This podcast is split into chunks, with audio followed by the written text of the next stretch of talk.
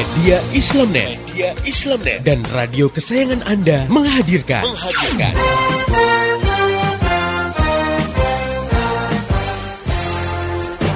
Voice of Islam. Voice of Islam. Voice of Islam. Saya pernah nonton satu acara televisi, di situ ada party, pesta-pesta di sebuah diskotik, lalu dibikin kuis. Cuman kuis itu syaratnya hanya boleh diikuti oleh pengunjung yang bawa alat kontrasepsi, alias kondom. Ternyata banyak yang bawa. Paling datang itu anak muda semua gitu kan. Kita ditanya, "Kenapa kamu bawa?" Loh, kita kan nggak tahu apa yang terjadi setelah ini. Wow, jadi kan sudah sudah sedia payung sebelum hujan gitu ya. Sedia kondom sebelum berzina. Astagfirullahaladzim ya. Kenapa kok seperti terjadi? Karena satu, karena kita sudah hidup di alam sekuler. Hidup dengan landasan memisahkan agama dari kehidupan. Jadi agama udah nggak dipandang. Asma binti Yazid al Ashhaliyah yang sedang uh, dia ingin menanyakan satu masalah di hadapan Nabi dan para sahabat. Dan saat itu di ada forum Nabi dengan para sahabat. Nah, saat itu Asma menanyakan tentang kedudukan peran perempuan dalam rumah tangga dibandingkan dengan peran kaum laki-laki ya. E, bagaimana posisinya? Apakah perempuan itu bisa meraih pahala yang seperti laki-laki lakukan gitu ya? Hmm. Nah, saat itu Rasulullah memuji pertanyaan yang diungkapkan Asma itu di hadapan para sahabat. Nah, ini kan e, menggambarkan ya bahwa saat itu Asma berbicara, kan ada suaranya iya. di hadapan para sahabat dan Rasulullah memuji dan membiarkan dan ini menunjukkan bahwa suara itu bukan aurat gitu. Dalam Islam eh, kehidupan laki-laki dan perempuan itu diatur baik dalam kehidupan umum misalnya uh, dalam pergaulan di sekolah, di terminal, di jalanan umum, di perkantoran ya gitu. Dan uh, juga di dalam kehidupan khusus di dalam rumah. Jadi memang Islam sudah memberikan batasan-batasan uh, di mana laki-laki dan perempuan itu di dalam bergaul, berkomunikasi itu memiliki aturan-aturan tertentu.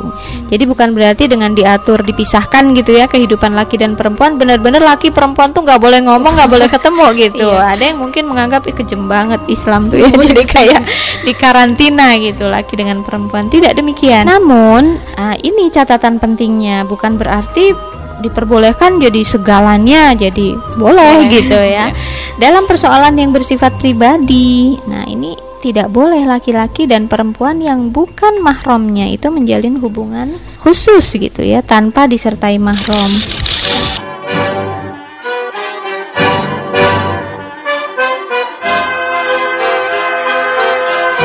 Voice of Islam. Voice of Islam. Voice of Islam.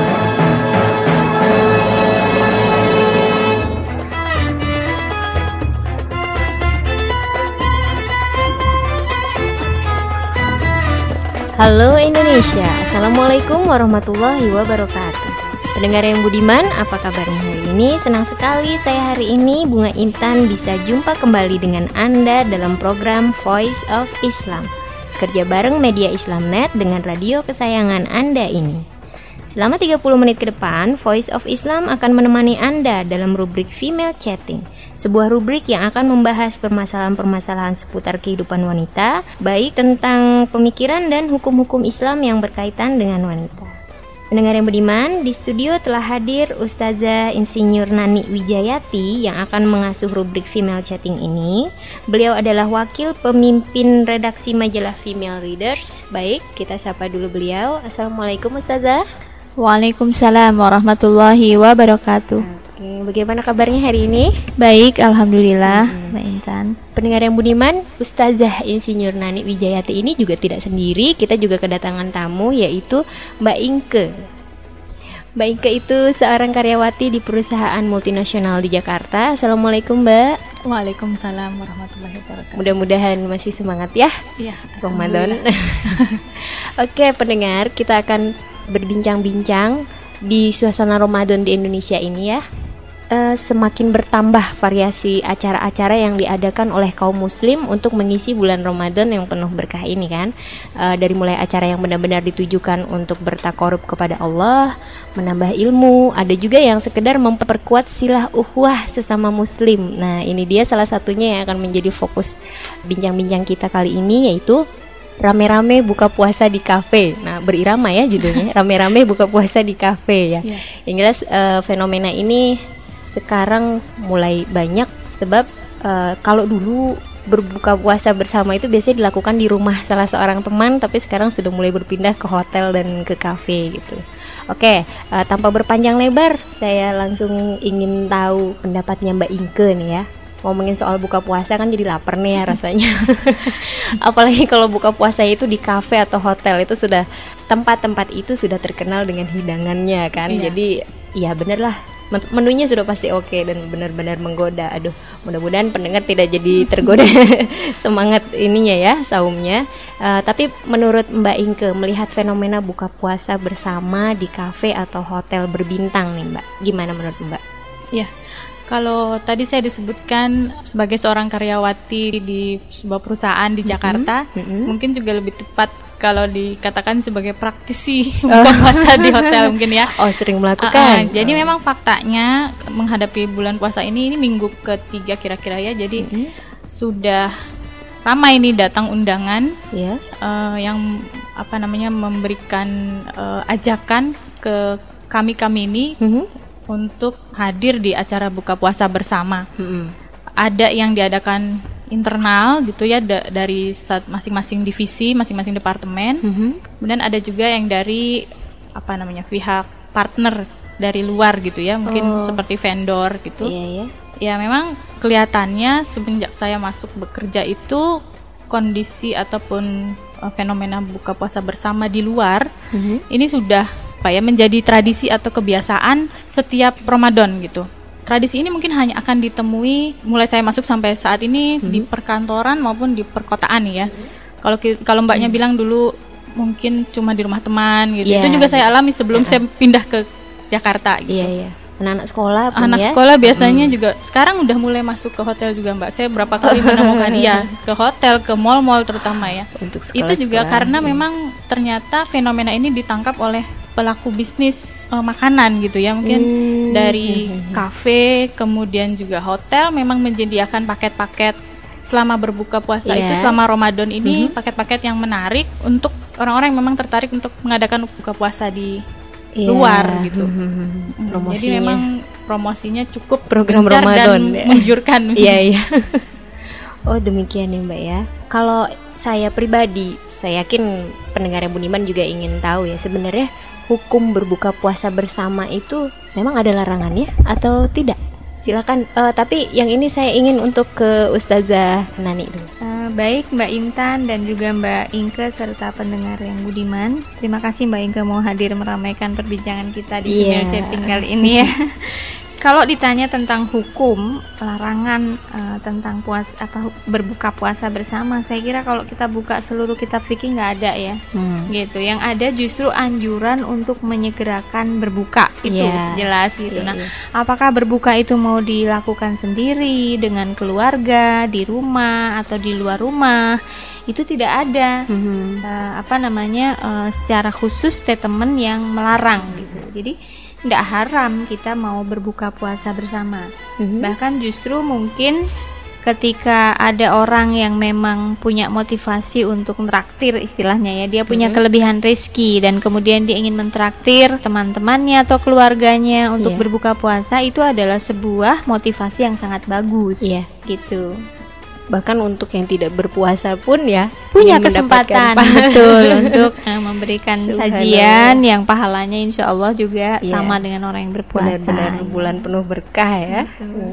Uh, saya ingin bertanya untuk kedua tamu kita ini motivasi seorang muslim kenapa sih uh, sekarang memang makin marak ya. Dulu mungkin dulu berpuluh tahun yang lalu jarang lah ada acara uh, berbuka puasa bersama gitu. Sekarang makin banyak dan bahkan seperti yang dikatakan Mbak Inke tadi ya, bukan hanya di perusahaannya saja. Kadang-kadang yang mengundang adalah perusahaan partner gitu kan. Kita tidak bekerja untuk iya, perusahaan yeah, itu gitu.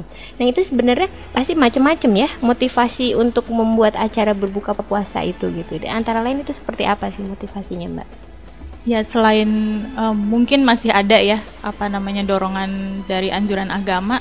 Kalau yang saya temui hmm. untuk apa acara yang dilakukan oleh internal itu mungkin ya motivasinya adalah untuk mempererat tali silaturahim gitu ya. Hmm. Uh, sila ukhuwah. Sila ukhuwah gitu ya. yang ada di dalam apa area kerja yang sama gitu. Yeah. Kalau untuk yang perusahaan luar ini mungkin ya jadi agak uh, tanda kutip gitu ya karena sedikit ada unsur bisnis di sana karena memang oh. dengan mereka mengundang kita mm-hmm. kemungkinan besar adalah untuk membangun uh, hubungan bisnis ya, mm-hmm. ya baik yang belum belum belum berpartner dengan kita maupun yang sudah berpartner dengan kita mungkin mm. seperti itu mbak. Menurut mbak Nani bagaimana mbak? Iya uh, baik sebenarnya sederhana aja kalau misalnya kita lihat memang di bulan Ramadan itu berbuka puasa luar biasa fenomenanya. Hmm. Masjid-masjid yang tadinya sepi terus serta merta jadi rame yeah. termasuk pada saat berbuka puasa mm-hmm. gitu. Uh, jadi uh, sudah umum di masyarakat kita ini yang namanya berbuka puasa itu sesuatu yang menggembirakan gitu semua orang Sangat sehingga iya saya saya juga uh, luar biasa itu kepedulian untuk memberikan buka puasa terhadap orang yang berpuasa itu luar biasa tinggi. Mm-hmm. Semua masjid saya kira ramai itu yeah. swadaya mereka menyediakan takjil istilahnya mm -hmm. ya apakah itu cola es atau kue-kue kecil dan iya, lain-lain yeah, yeah. untuk menghidangkan bagi semua orang yang jamaah masjid itu puasa dan mau mm -hmm. sholat jamaah di masjid itu yeah. itu kan sesuatu yang luar biasa Betul. gitu menurut saya nah uh, yang jelas uh, awalnya kalau kita lihat kan itu uh, lahir dari sebuah pemahaman bahwa menjamin buka puasa bagi orang yang berpuasa itu mendapatkan pahala yang sama dengan orang yang puasa yeah. itu gitu loh. nah, kalau kemudian yang terjadi fenomenanya di kalangan perkantoran atau perkotaan itu justru ada motivasi lain gitu yeah. ya yang yang ikut serta dalam mm -hmm. acara itu akhirnya menjadi sebuah uh, event yang menurut saya lifestyle tersendiri gitu ya tren mm -hmm. gitu kayaknya mm -hmm. kalau nggak buka puasa di mall atau di kafe di hotel berbintang pada bulan Ramadan ini kayaknya nggak afdol gitu. Nah ini kan nggak ada dalilnya, Iya iya. nggak ada dalilnya gitu. Hmm. Jadi mungkin uh, ya masukan saya tolong kalau teman-teman yang di perkantoran atau di kota-kota metropolitan itu mengadakan hal yang serupa itu dijaga gitu ya Niatnya. hatinya. nah, uh, apalagi Mbak Inga tadi bilang ada motivasi bisnis yang lain iya. ya. Kalau misalnya itu sifatnya antar perusahaan. Nah, kalau misalnya yeah. traktir antar temen, wah ini motivasinya apa nih gitu ya? PDKT atau apa gitu yeah, kan? Yeah, yeah. PDKT atau pamer apalah misalnya itu. Yang penting jangan sampai motivasi itu dinodai oleh hal-hal yang bisa merusak uh, yeah. pahala yang sesungguhnya besar bisa yeah, dia yeah. peroleh gitu. Ya itu tadi uh, benar uh, saya baru baru terbersit sekarang gitu ya. Jadi baru tahu bahwa ada acara buka puasa bersama antar perusahaan gitu bukan untuk silah ukhuwah di sa gitu. uh, satu lingkungan kerja gitu ya dan ternyata motivasinya lain ya memang benar-benar harus dijaga itu niatnya Oke, pendengar yang budiman, jangan ke mana-mana dulu karena saya Bunga Intan dan Ustazah Insinyur Nani Wijayati dan juga Mbak Inke masih akan kembali setelah satu selingan berikut ini. Lewat sudah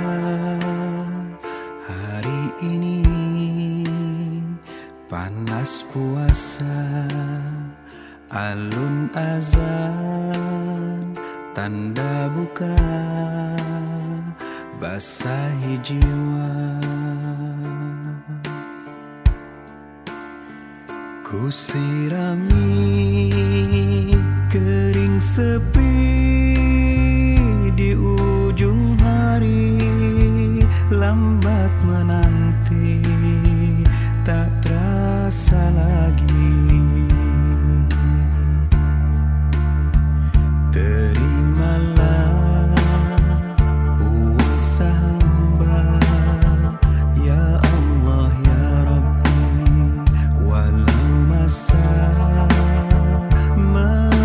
the cow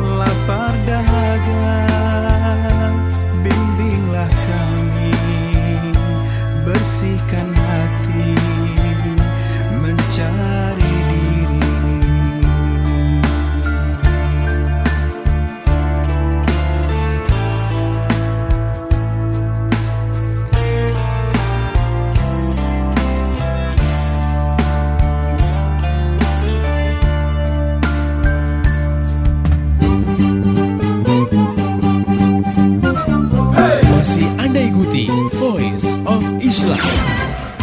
Persembahan media Islamnet dan radio kesayangan Anda ini. Voice of Islam. Voice of Islam. Voice of Islam.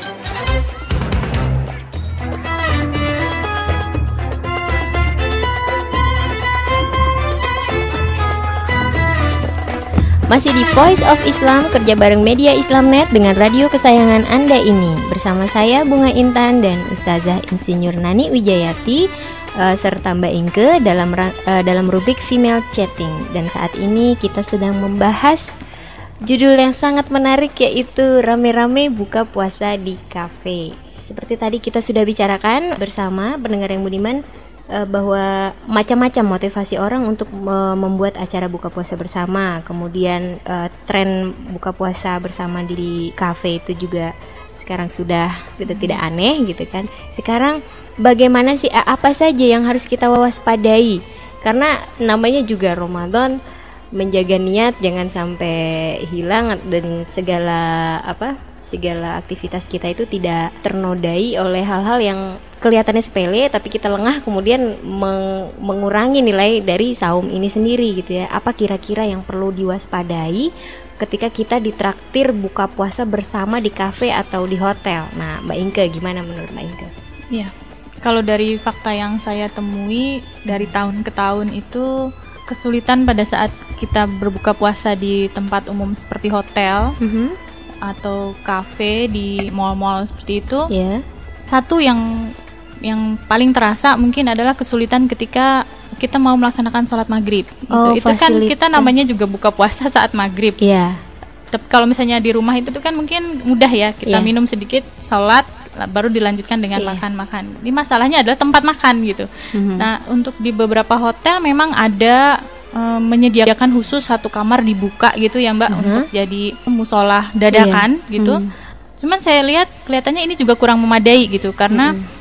Pertama kita kita itu kesulitan dari sisi wudhu ya dari masalah yeah. wudhunya itu ya itu kan kamar -hmm. kamar yang difungsikan sebagai musola dadakan. Yeah Nah itu dari segi itu aja udah mungkin agak sulit ya. Maksudnya perlu uh, tekad baja gitu untuk keluar dari ruangan makan kemudian menyempatkan sholat. Iya, Jadi iya. bahasanya menyempatkan padahal itu kan seharusnya utama ya.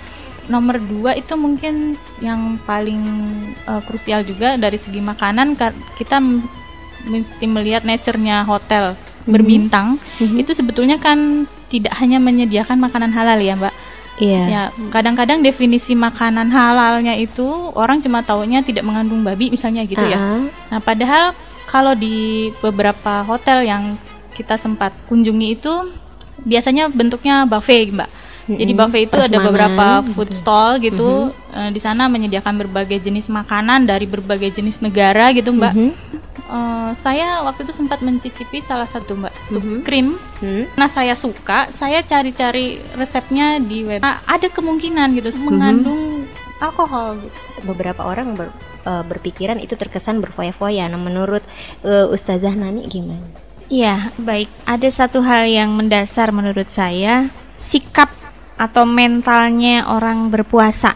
Coba diinget-inget waktu kecil deh. Kalau kita puasa, apa yang kita mhm. lakukan seharian dari pagi, siang, sore untuk menyambut datangnya waktu buka puasa? Pasti ngumpulin apa itu permen, iya. apa itu segala macam ya. Jadi ini tobiinya gitu. Iya. Tobiinya orang yang puasa itu dia kayaknya nanti kalau mau buka puasa itu pengen makan yang spesial, yang lezat gitu ya, Hadiah. ya, karena dia sudah menahan gitu. Nah sebenarnya sah-sah saja hal iya. ini yeah. gitu ya, tidak haram dilakukan. Nah, hanya uh, barangkali kemudian kita juga mengukur gitu, mengukur bahwa hakikatnya kita berpuasa itu sebenarnya kan esensinya adalah menahan lapar, iya. menahan haus selama waktu tertentu dan itu sebagai faktor untuk kita mengendalikan supaya kita nafsu makannya itu tidak tidak uh, berlebihan gitu yeah. ya. Nah, kita lihat misalnya ya kalau kita mau bandingkan misalnya di satu sisi sebenarnya berbuka puasa itu sesuatu yang harus disegerakan mm-hmm. gitu ya. Rasulullah sangat menganjurkan untuk menyegerakan buka puasa. Bahkan uh, dalam hadisnya beliau bersabda la yazalun nasu bi khairin ma'ajalul fitro. Jadi selalu manusia itu dalam kebaikan selama mereka menyegerakan berbuka. Hmm. Jadi berbuka puasa segera itu adalah sesuatu kebaikan yang akan dijamin gitu ya hmm. oleh Allah untuk uh, kesehatan manusia itu sendiri. Tetapi di lain sisi kita lihat bagaimana Rasulullah SAW itu berbuka puasa. Nah, dalam hadis yang cukup uh, panjang, ini artinya Rasulullah SAW biasa berbuka dengan beberapa buah kurma uh, sebelum sembahyang. Jika tidak ada, maka dengan kurma-kurma kering. Jadi kalau mm -hmm. sebelumnya kurma basah ya, mm -hmm. kalau nggak ada kurma kering. Dan jika tidak ada pula, maka direguknya beberapa teguk air gitu ya. Jadi itu saja. Uh -uh, hidangan untuk uh, buka puasa ya membatalkan udah selesai puasanya itu. Yeah kalau Rasulullah beliau melakukan kalau nggak kurma ya air gitu nggak ada mm -hmm. kurma air terus baru beliau kemudian sembahyang gitu mm -hmm. ya sholat gitu bahkan dalam hadis yang lainnya itu juga uh, diisyaratkan menganjurkan bahwa uh, jangan sampai berbuka puasa itu jadi makan malam jadi dilakukannya itu justru setelah sholat gitu ya lama mm -hmm. gitu baru uh, buka puasa jadi Rasulullah mm -hmm. katakan jika makanan telah dihidangkan, maka makanlah dulu sebelum sholat maghrib. Jadi kan hmm. ini tuntunan untuk kita uh, mendahulukan buka puasa gitu ya, hmm. ya sebelum sholat maghrib. Hmm. Janganlah makan malammu itu dibelakangkan gitu. Nah itu hmm. tuntunan Rasulullah seperti itu. Nah kalau kita lihat sekarang kita bandingkan dengan tadi rame-rame buka puasa di hotel. Mm-hmm. Kalau di rumah mungkin kita bisa atur menu itu uh, yang cukup lah gitu ya, cukup yeah. mengenyangkan, cukup spesial gitu, sederhana, mm-hmm. sudah uh, bisa memenuhi kebutuhan dasar kita mm-hmm. untuk makan. Tapi yang namanya hotel, kafe atau mall, mereka kan uh, tidak mau melewatkan momen ini untuk mengambil keuntungan ya. Yeah. Tidak mungkin dia menyediakan menu itu yang sederhana justru pasti yang iya. spesial yeah. kan gitu jadi gimana caranya omsetnya uh, gimana caranya orang itu kepengen makan itu beli yang tadinya banyak. mungkin ya hmm. betul tadinya mungkin ah udah deh aku kayaknya mungkin nanti makannya ini aja satu begitu lihat hidangan yang lain banyak kepengen hmm. juga nyicipin yeah. kan yang lain hmm. gitu nah mungkin ini yang menyebabkan orang beranggapan itu jadi foya-foya gitu berlebihan hmm. Nah, menurut saya kembalinya kepada individu tadi. Mm -hmm. Dia harus mengukur jangan sampai berlebihan iya. gitu. Selain tadi Mbak Inka sudah jelaskan memperhatikan yang halalnya dulu, jangan mm. karena semua menu itu kayaknya lezat dan spesial belum pernah dia coba, dia coba semua gitu yeah, ya. Yeah. Nah, jadi secukupnya aja lah, karena kalau berlebihan kan juga nanti dia kesakitan, sakit yeah. perut nanti itu. Bukannya jadi yeah. sehat ya? Iya, betul uh, pendengar mungkin ada yang mengalami juga ya. Jadi setelah lewat bulan Ramadan berat badan bukannya turun, malah naik. Karena takjilnya kalorinya tinggi-tinggi yeah. gitu kan dipuas-puasin gitu kan. Oke, itu kan buka puasa itu udah jadi tradisi ya, buka puasa bersama, rame-rame gitu. Sekarang sebenarnya tradisi seperti apa sih yang seharusnya ditumbuhkan dalam bulan Ramadan ini gitu agar puasa kita tuh lebih bermakna, tidak sampai dinilai orang berfoya-foya misalnya seperti itu. Baik, kalau saya boleh menyimpulkan dari perbincangan kita dari awal tadi ya, mm -hmm. ada tiga hal mungkin yang perlu kita kita biasakan mm-hmm. uh, bukan karena yang lain kecuali karena tuntunan Rasulullah SAW. Yang pertama adalah menyegerakan berbuka, jelas itu. Mm-hmm. Saya kira kalau itu yang buka puasa rame-rame memang itu yang ditunggu. Begitu uh, belum lima menit aja udah, udah Duh. belum, udah belum gitu kan ya. jelas itu nggak akan salah gitu. Yeah, menyegerakan yeah. berpuasa. Nah, tapi mungkin bagi yang di rumah biasanya tuh ya, mm-hmm. karena pengen ke masjid dulu, akhirnya udah nanti dia belakangan aja gitu. Yeah. Wah, itu yang jangan sampai terjadi. Terus yang kedua, jangan kemudian momen buka puasa rame-rame itu membuat kita meninggalkan ibadah yang lain yang seharusnya kita tingkatkan. Yeah. Seperti tadi kalau kondisinya di hotel berbintang, sholatnya nun jauh di sana di lantai dasar gitu harus eh, muter-muter uh, dulu gitu. Or uh, kadang ke basement gitu kan udah gitu wudhunya antri atau di toilet bahkan gitu. Mm-hmm. sehingga kayaknya membuat orang tuh udah kekenyangan ah udah deh nanti aja dikodok di rumah gitu nah, ya, misalnya gitu. Ini kan berarti dia sudah uh, meninggalkan ibadah lain yang seharusnya ditingkatkan. Iya. Gitu. Jadi yang kedua itu kemudian Yang ketiga, saya kira juga uh, Rasulullah SAW di setiap Ramadan itu selalu mengatakan, aku biasanya di bulan-bulan lain didatangi Jibril hanya sekali, tapi kalau di Ramadan aku didatangi Jibril dua kali untuk mm -hmm. murojaah Al-Quran gitu ya. Mm. Jadi mungkin ini yang perlu diperhatikan juga untuk teman-teman muslimah di perkantoran mm -hmm. misalnya, di mana waktu mereka luar biasa padat ya kerja mm-hmm. Senin sampai Jumat berangkat mm-hmm. subuh pulang jam 9 malam gitu ya nah tidak ketemu matahari nah, udah gitu nah kesempatan untuk uh, tadarus Al-Qur'an mm-hmm. Quran ini harus disiasati supaya dia bisa tetap lakukan mm-hmm. di bulan Ramadan apakah itu di perjalanan berangkat atau pulang ya yeah. nah ini kadang uh, muslimah itu tidak rasa nggak punya waktu gitu ya aduh mm-hmm. udah berangkat subuh padahal pada saat berangkat itu saya sendiri kalau ke Jakarta biasanya kadang justru hmm. merasa zikir, doa atau murojaah Al-Qur'an itu malah bisa saya lakukan itu selama perjalanan hmm. gitu ya. Apalagi. Menghafal surat yang cukup panjang bisa dalam perjalanan. Nah, Karena iya. apa? Di Jakarta macet dua jam. Dua jam itu waktu yang sangat efektif menurut saya untuk yeah. memperbanyak zikir, doa dan tadarus Al-Qur'an. Hmm. Nah, kadang orang punya image baca Quran tuh mesti duduk manis di masjid atau yeah. di musola mm -hmm. di depan sajadah mm -hmm. padahal kan di mana saja mm -hmm. itu bisa dilakukan mm saya kira itu himbauan untuk para muslimah yeah. mudah-mudahan di Ramadan ini kita bisa mendapatkan keberkahan mm -hmm. dan makna puasa yang lebih baik mm -hmm. saya kira itu Mbak Intan yeah. Subhanallah ya perbincangan kita hari ini pendengar yang budiman itu dia tadi bincang-bincang kita dengan Ustazah Insinyur Nani Wijayati dengan Mbak Inke juga tentang rame-rame buka puasa di kafe. Uh, Oke pendengar, kami juga menampung usulan-usulan Anda dalam pembahasan persoalan-persoalan wanita lainnya. Nah, Anda bisa kirim surat ke radio kesayangan Anda ini atau kirim SMS ke 0856 9492 4411. Saya ulangi 0856 9492 4411 atau bisa juga melalui email ke mediaislamnet@yahoo.com. Saya Bunga Intan dan seluruh kerabat kerja yang bertugas mengucapkan terima kasih kepada Ustazah Insinyur Nani Wijayati dan Mbak Inke. Terima kasih banyak. Sama-sama Intan. Terima kasih juga buat pendengar yang setia mengikuti acara ini. Pesan saya, mari kita sampaikan apa yang kita peroleh dari acara ini kepada yang lain agar rahmat Islam ini bisa segera tersebar luas termasuk di kota Anda yang tercinta ini. Dan esok hari insya Allah Voice of Islam akan kembali hadir di waktu dan gelombang yang sama. Mari menimbang masalah dengan syariah. Assalamualaikum warahmatullahi wabarakatuh. Demikian tadi Voice of Islam. Voice of Islam Semoga hikmah yang terkandung bermanfaat untuk kita semua. Amin, amin, amin. Ya Robbal Alamin. Kembali bisa Anda dengarkan Voice of Islam. Voice of Islam menghadirkan topik-topik seputar kehidupan kita esok hari di waktu dan gelombang yang sama.